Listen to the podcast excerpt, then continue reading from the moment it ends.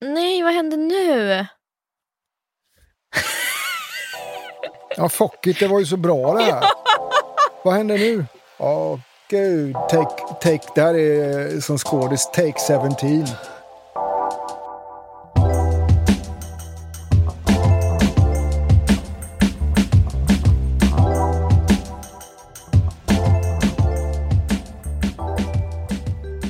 Välkommen till en podd i podden. Jag heter Rebecka och jag är co-pilot på ett it-bolag i Göteborg. Och jag heter Alarik och jag är vd och grundare på samma bolag i samma stad. Tanken med den här podden är ju att vi ska köta lite om ja, men, it-branschen, att vara konsult i olika branscher, ja, men mycket inom IT. Ja men precis, IT, konsulting, det är ett väldigt, väldigt brett område. Vi kan prata olika typer av arbetsgivare om vi pratar inom konsultbranschen. Det kan vara små nischade bolag, det kan vara jättestora breda bolag, det kan vara bolag som inte har ramavtal. Det kan mm. vara bolag som har ramavtal. Vad är det för fördelar och nackdelar med det om man tittar ur ett vi försöker fokusera kanske mer på ur ett eh, medarbetarperspektiv och inte ett arbetsgivarperspektiv. Då. Ja, precis. Och kanske grotta ner oss också i olika programmeringsspråk eller tillvägagångssätt och ja, men lite allt möjligt helt enkelt. Och vi har ju inget namn till podden idag. Mm, där får ju alla lyssnare komma med förslag. Podd i podden är kanske jättebra eller inte alls. Precis, så kom gärna med förslag.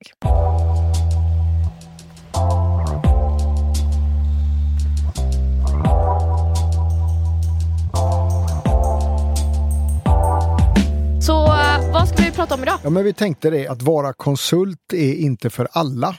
Om vi börjar bara med det, liksom, som, vad innebär det och, var, och varför skulle det i så fall inte vara för alla? Och hur menar du egentligen om man bara tänker på det här med att det inte är för alla? Dels behöver man ha ett mindset så att man kanske kan hantera en större grad av osäkerhet. I alla fall, vi kan ta det som ett konkret exempel om vi har medarbetare som kommer från ett produktbolag och ska börja på ett konsultbolag. Ehm, kommer man där, gör man den resan så har man ofta väldigt klart för sig vad man ska göra och vad man har gjort dag till dag på sin eh, nuvarande eh, mer, eh, arbetsgivare och ska börja på ett nytt företag, konsultbolag, då kanske har två, tre månaders uppsägningstid. Och då, det är sällan ett konsultbolag kan säga att du får det här uppdraget om du inte har något inhouse-projekt. Eh, men ska man ut på den fria marknaden, eh, då är det väldigt svårt att leverera ett färdigt uppdrag på två till tre månader. Och det är det jag menar, att den osäkerheten som det kan vara för många utvecklade ingenjörer, då får man nog ha ett visst mindset. Jag, jag tycker det här blir spännande att ta det här klivet. Eh, och det har vi märkt att det är verkligen inte för alla att ta det. Man behöver bygga en form av tillit till den arbetsgivaren man går till också. Och att av erfarenhet så har vi båda sett att har du varit konsult tidigare, ja men då är de medvetna om processen och hur branschen funkar. Och... Ja, det skulle jag hålla med om. Delvis, för det kan vara så. Sen finns det ju många som har blivit brända i konsultbranschen mm. också. Som, eh, de blir, det är ju många som snackar, det är det bästa bolaget, du får det roligaste uppdraget, det är de bästa afterworkerna och sen efter två, tre månader så Ja, jag skulle få välja mellan olika uppdrag. Jag fick ett uppdrag för det här, det här var vad som låg på bordet och det är klart, det är ju kopplat lite till konjunktur också förstås. Men i den bästa av världar, om man har en bra profil så ska ju den medarbetaren kunna välja mellan ett antal olika uppdrag. Och har en eh, medarbetare varit med om den processen, då har de i allmänhet bra förtroende för sin eh, arbetsgivare. Men när du pratar om att det inte är för alla att vara konsult, menar du baserat på erfarenhet eller på hur de är som person? Både och, men nog skulle jag nog säga att det mest är hur man är som person så att man inte Ja, men för hårdare får ont i magen om man inte vet exakt vad man ska göra. Vissa vill ha liksom ett eh, Excel-ark framför sig. Jag ska göra det här, jag ska göra det här. Och så här. Men känner man då, om man kommer från ett jättestort produktbolag och jobbat där i tio år och så tar man eh, steget över till ett mindre konsultbolag som, som eh, säger att vi kommer fixa rätt uppdrag till dig ja då får man ju lita på det. Och det är en ganska stor resa att ta det klivet liksom. Från ett eh, megabolag till ett mindre konsultbolag. Och hoppas att det ska bli, för det är klart, även om eh, konsultbolaget säger att vi är de bästa, duktigaste, starkaste, roligaste. Så at the end of the day så är det ju konsult, alltså själva uppdraget där du ska vara måndag till fredag 8 till 5 som till 98 procent definierar din roll som konsult. Men går det här att coacha fram eller blir det mer så att det är typ två olika grupper? Antingen så har man en personlighet som är att vara konsult eller så har man inte det. Det är också en bra fråga. Jag skulle nog säga att det går att coacha fram. För eh, jag kan tänka mig, ja, men har du suttit framför ditt skrivbord i tio år på ett, på ett jättestort bolag och vissa känner ju att nej, men nu, nu vill jag inte sitta mitt elfte år här. Och vissa känner att eh, nej, men nu har jag verkligen vuxit fast i den här stolen. Så där är det väl två olika. Men sen är det klart man kan coacha fram och det tänker jag, det har, behöver ju inte nödvändigtvis ha med att göra hur länge man har jobbat på. Det är väl lite mindset hos en person, hur, ja, men hur förändringsbenägen man är. Man vill testa på nya tekniker, domäner, även om du kanske har din core i din kompetens. Samtidigt så finns det ju väldigt många konsultbolag på marknaden idag. Det är ju väldigt vad ska man säga, spridda skurar med vad man har för eh, liksom, nisch inom konsultbolaget och också hur man jobbar med konsulterna. Och det är mycket konsulter som svävar. Det är både hett att vara konsult men också fortfarande har vi väl hört att det fortfarande snackas liksom ganska mycket skit om det här med att inte vara konsult. Det är osäkert. Mycket den här osäkerhetsfrågan. Ja, men det tror jag. Och jag, jag, kan tänka mig igen då om man nu ska in på arbetsmarknaden. Antingen man kanske kommer från högskolan eller man kommer från produktbolag. Alltså I allmänhet kommer man från ett annat konsultbolag. De har rätt bra koll på läget liksom. Men kommer man från produktbolag A eller högskolan B, då är det ju en resa att göra. För det är precis som du säger, det har vi ju märkt att det kan vara ju vissa föreläsare som har dåliga erfarenheter på en teknisk högskola och står öppet talar illa om konsultbolag. Och det kan ju vara eh, medarbetare som har, eh, ja, de har råkat ut för saker eller de har ingått i ett team där det kanske har varit några konsulter som inte har funkat till att någonstans det har kommit där det har funkat jätte, jättebra. Träffar man 100 pers på stan och frågar 100 pers vad, vad, vad är en konsult för dig? Då får man nog kanske inte 100 olika beskrivningar men ganska många olika. Mm. Och om vi skulle typ i så fall liksom gå över till uh, mer Ja, men vad, vad ska man ha då för att vara en bra konsult? Då skulle jag väl säga att man har en, det här är väl lite, lite klyschigt då, men man har en personlighet och en inställning att man vill testa olika saker. Man kanske känner att man inte vill eh, utveckla samma sak hela tiden utan du har din core och sen när du har gjort det här, då kanske man vill gå vidare. Du kan fortfarande fördjupa dig och bredda dig, men kanske på en annan domän. Vad menar du då med din core? Jag tänker för de som kanske lyssnar och inte vet. Eh, med, med det menar jag med den kärnkompetens du har. Och tittar vi inom konsultbranschen så finns det en mängd olika. Det är backend, fronten, fullstack, embedded, allt vad det är. Men då kan man bara snöa in på ett av de här områdena och man kanske utvecklar det så man inte ena dagen jobbar med det och tredje dagen jobbar man med det och fjärde dagen för då blir man ganska en, en bred och tunn profil. Utan det som är allmänhet och det, det märker vi bland eh, våra medarbetare och kandidater vi träffar att man vill ha, det är eftertraktat, att ha en eh, mer nischad profil som är djup. Du är verkligen är grundad i din kompetens. Det, vi kan ju ta typ som ett exempel att eh, om man vill gå och träffa en läkare så uh, vill du väl kanske inte gå till en läkare och sen nästa dag träffar du han som bilmekaniker. Ja, men, Lite det. Att... Precis. Först går du till allmänläkaren som remitterar till specialistläkaren för du har problem med någonting och då sitter det samma läkare där.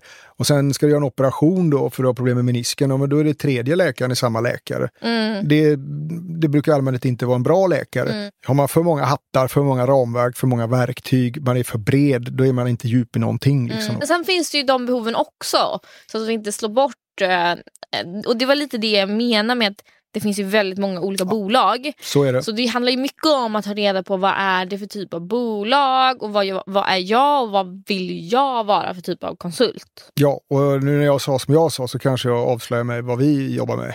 vad, vad jag tycker är, är, är mer spetsiga djupa kompetenser. Men så är det ju. Det är ju, det är ju inte, det är, så är det inte för alla kunder och alla medarbetare heller. Självklart. Men har du eh, träffat eh, kandidater där du har liksom på CVt sett så här, shit det här är bra, lång erfarenhet och så. Och sen när du har träffat den personligt att du känner så, men den här har inte liksom, personligheten för att vara konsult. Så är det ju och man tar den igen då, är det någon från ett konsultbolag, då, är de ju, då har de haft eh, kanske olika anställningar men ofta olika uppdrag. Och då vet de exakt vad det är. Men är det, träffar man någon från ett produktbolag som har jobbat länge, då brukar jag alltid ställa första frågan, hur, hur ser du på konsultrollen? Bara för att liksom få en förförståelse vad de menar och vad de känner. Och vissa Nej, men det är väl ingen skillnad och vissa, jag får jobba 80 timmar, var någon jag träffade, jag ska jobba 80 timmar i veckan och bara, bara, bara. Liksom. Nej, så är det inte alls då. Eh, och vissa kan man ju, precis som du säger, coacha. Och vissa känner man, nej det är nog ingen idé liksom. Mm. Det blir för jobbigt för vederbörande. Det blir för mycket, jag tror det är mycket den här osäkerheten att kunna hantera den. Ja, vad blir mitt första uppdrag? Vad händer sen? Och Liksom man måste kunna och känna att det där blir en, en härlig utmaning och mitt konsultbolag kommer hjälpa mig hitta mm. nästa uppdrag och nästa uppdrag. Så det blir som en trappa man går hela tiden och utvecklar sig. Vi kanske använder eh, lite branschtermer ibland som man mm. inte förstår. Så, så, vad menar du, eller vad tänker du med produktbolag? Ja, produktbolag är ju kanske motsatsen till ett konsultbolag, men det är ett eh, bolag som utvecklar en produkt. Du har egna utvecklare, egna ingenjörer som säljer den här produkten. Kan, man kan sälja bilar, man kan sälja mobiltelefoner eller radiobasstationer eller vad det nu är.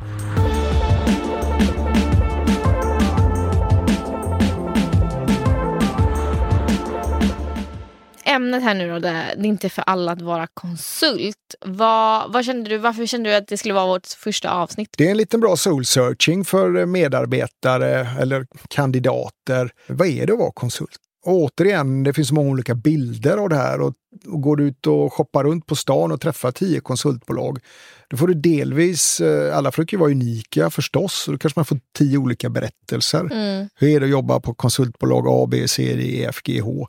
När det kanske i slutändan på en, på en viss marknad man kanske hamnar på ish samma kunder. Mm. Så hur stor skillnad kan det vara? Liksom? Och det är flera som har blivit brända och flera tycker det är det bästa som finns och det tycker jag är spännande med den här branschen. Också. Den är rörlig. Det händer, den, ja, det händer, händer otroligt mycket. Hur skulle du förklara liksom, det är att vara konsult om du ska sälja in det till någon? Frihet under eget ansvar.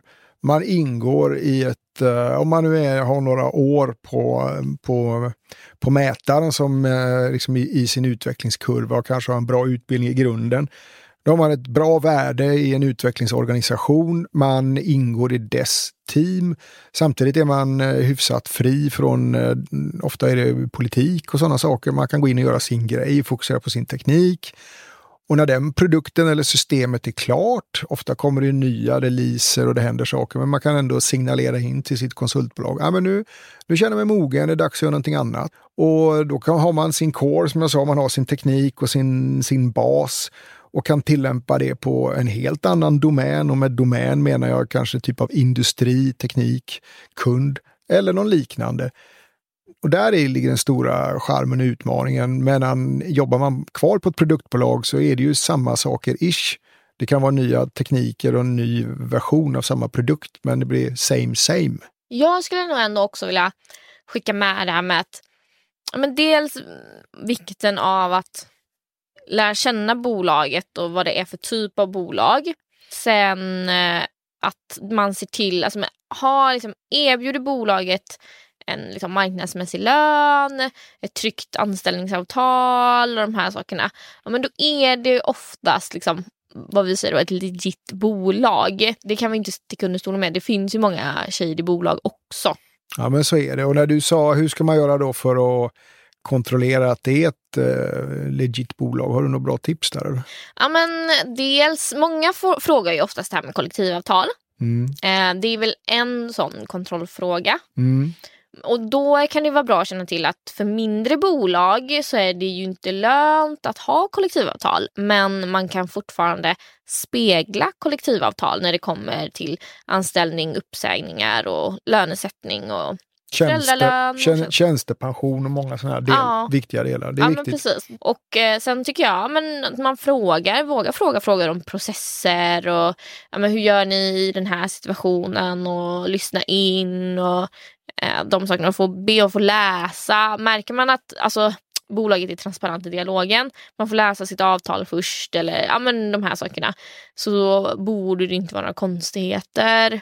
Oftast i avtalen så står det ju till exempel uppsägning i ett LAS eller fråga då om liksom, det här med ledighet, semester eller eh, och då borde det också vara reglerat enligt lag och de sakerna. Och är det inte det, ja men då kanske man måste börja misstänka att ah, okej, okay, det här mm känns mm. inte bra. Ja, där har jag ett tips också. Det är att prata med nuvarande medarbetare och även tidigare medarbetare. Det, och det kanske man kan kolla upp på LinkedIn eller vad som helst, bara pinga. Den är, den är ganska bra. Den faktiskt. är bra faktiskt. Ja. Men sen tänkte jag också på att det är många också som tror att det är för dem att vara konsult, det är ändå ganska komplext. Det är inte bara att vara god och glad och kunna snacka. Det är inte bara att eh, inte ha någon social kompetens och bara sitta och då i det här fallet knappa kod. Så det är ganska många olika moment som eh, ska kombineras. Ja men eh, så är det. Du ska i allmänhet då ingå i uppdragsgivarens utvecklingsorganisation och då är ju den ut förstås sitt team som kan ju vara ett moget team eller ett omoget team och så kommer in en ny medarbetare. Då är det en ny resa som behöver påbörjas där för att få fram ett så effektivt team som möjligt. Ja, det går inte att ha in någon som inte funkar socialt, men det går heller inte in någon som inte Nej. funkar kompetensmässigt. Så ja, de är ju bäg, vik, ja. viktiga bägge två liksom ja. förstås. Och det är det också, och jag tycker samtidigt som liksom, det är en stor flexibilitet med att vara konsult så behöver man ju fortfarande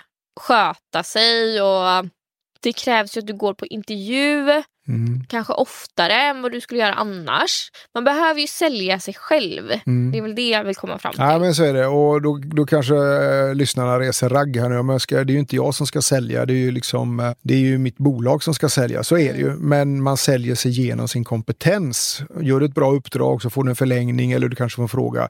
Men du har du inte någon klon hos dig eller någon mm. tvilling till dig inne på ditt konsultbolag men det är ju precis som du säger, det här med till exempel som intervju är ju en sån sak som eh, Börjar du på ett vanligt bolag så får, du gör du en anställningsintervju och sen jobbar man på där ja. så länge man känner. Men är du konsult så blir det ju en ny intervju varje gång och det är väl en skillnad. Ja. Och det är ju också allting från att man inte ska få brain freeze som ett rådjur på vägen i, i strålkastarna och liksom bara frysa.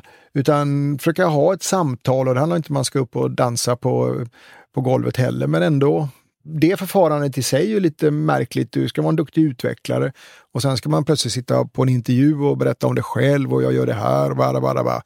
Vilket kanske går emot din utvecklarpersonlighet. Mm. Mm. Så den, den just själva intervjuprocessen, men det är klart, där finns det ju tekniska intervjuer, kodtester mm. med mera för att komplettera så det inte bara någon som snackar in sig så att säga. Då. Mm. Det är väl det som är, skulle jag säga, också roligt med att vara konsult, för det är flexibelt. Du får göra det du är bra på men du får göra det på många olika kunder eller på många olika sätt. Men man håller fortfarande, som vi pratade om, då, kåren.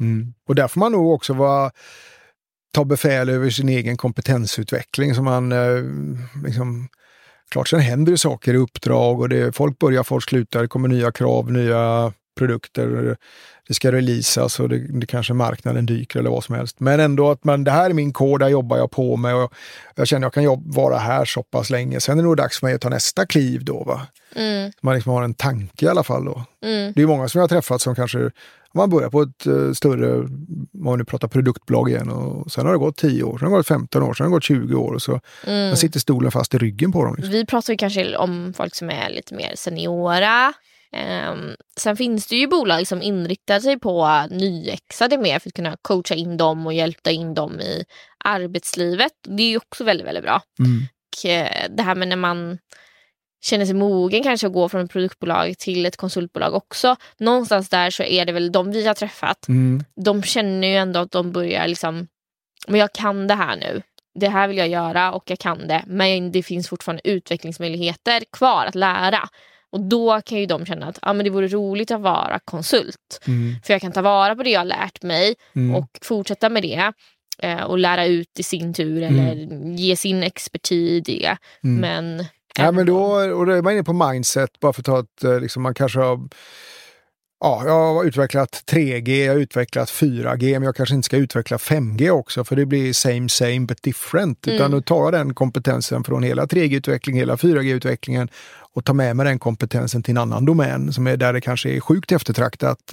Just med den, eh, det kan vara inom automotive för eh, upp, uppkopplade enheter eller vad som helst. Liksom. Då breddar man sig och blir därigenom eh, väsentligt mer attraktiv på arbetsmarknaden än om du hade varit kvar och utvecklat 5G också. Mm. För någonstans, ju längre du är kvar, desto mindre attraktiv blir du för den omgivande arbetsmarknaden. Det kanske vi ska också poängtera att nu pratar vi liksom, kanske konsulter inom IT-branschen då. Ja. Eh, och lite mer seniora. Och vi har också fått mycket frågor kring det här med ja, jag vill ha långa uppdrag och hur är det med arbetade timmar och så. Mm. Och, och det där är också jätteintressant. Vad är, vad är ett långt uppdrag? Det kan man också fråga någon. Liksom, vad är långt uppdrag för dig? Men i allmänhet är väl, jobbar man som senior IT-konsult kanske mer mot embedded-hållet och kanske ett normaluppdrag är ett, ett och ett halvt år. Men sen finns väl de som kan vara mer troubleshooters inom eh, mer IT-utveckling. Men det vanligaste är väl ändå att du kanske börjar med sex månader. Uh, och sen brukar man, om det inte är några konstigheter, och med det menar vi liksom att man har skött sina arbetsuppgifter, man är en hel och ren, man kommit i tid, man har inte så mycket frånvaro uh, och de sakerna.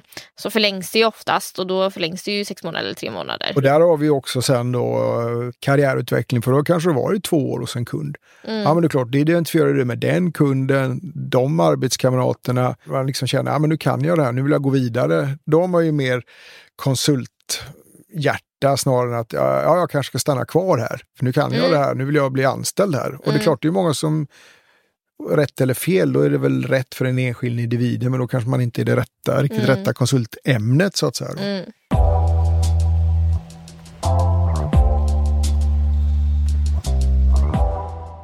Avslutningsvis då, om du skulle dra någon form av insäljningspitch, om du hade en kandidat framför dig som ska bli konsult? Då skulle jag säga att vi kan garantera dig ett jätteintressant uppdrag. Jag kan inte säga att det blir exakt det här uppdraget, men du kommer på en normal marknad kommer du ha två till tre intressanta uppdrag att välja mellan. Och du kommer garanterat bli nöjd. Det skulle jag säga. Ska man säga tack eller hej? ja. ja Bryt. Ska vi säga hej där liksom? Eller ja, det får vi göra. Ja, Okej, okay, men då, då säger vi snyggt var det bra. Ja. Ska vi ta snyggt och sen så på återseende? Och på återhörande.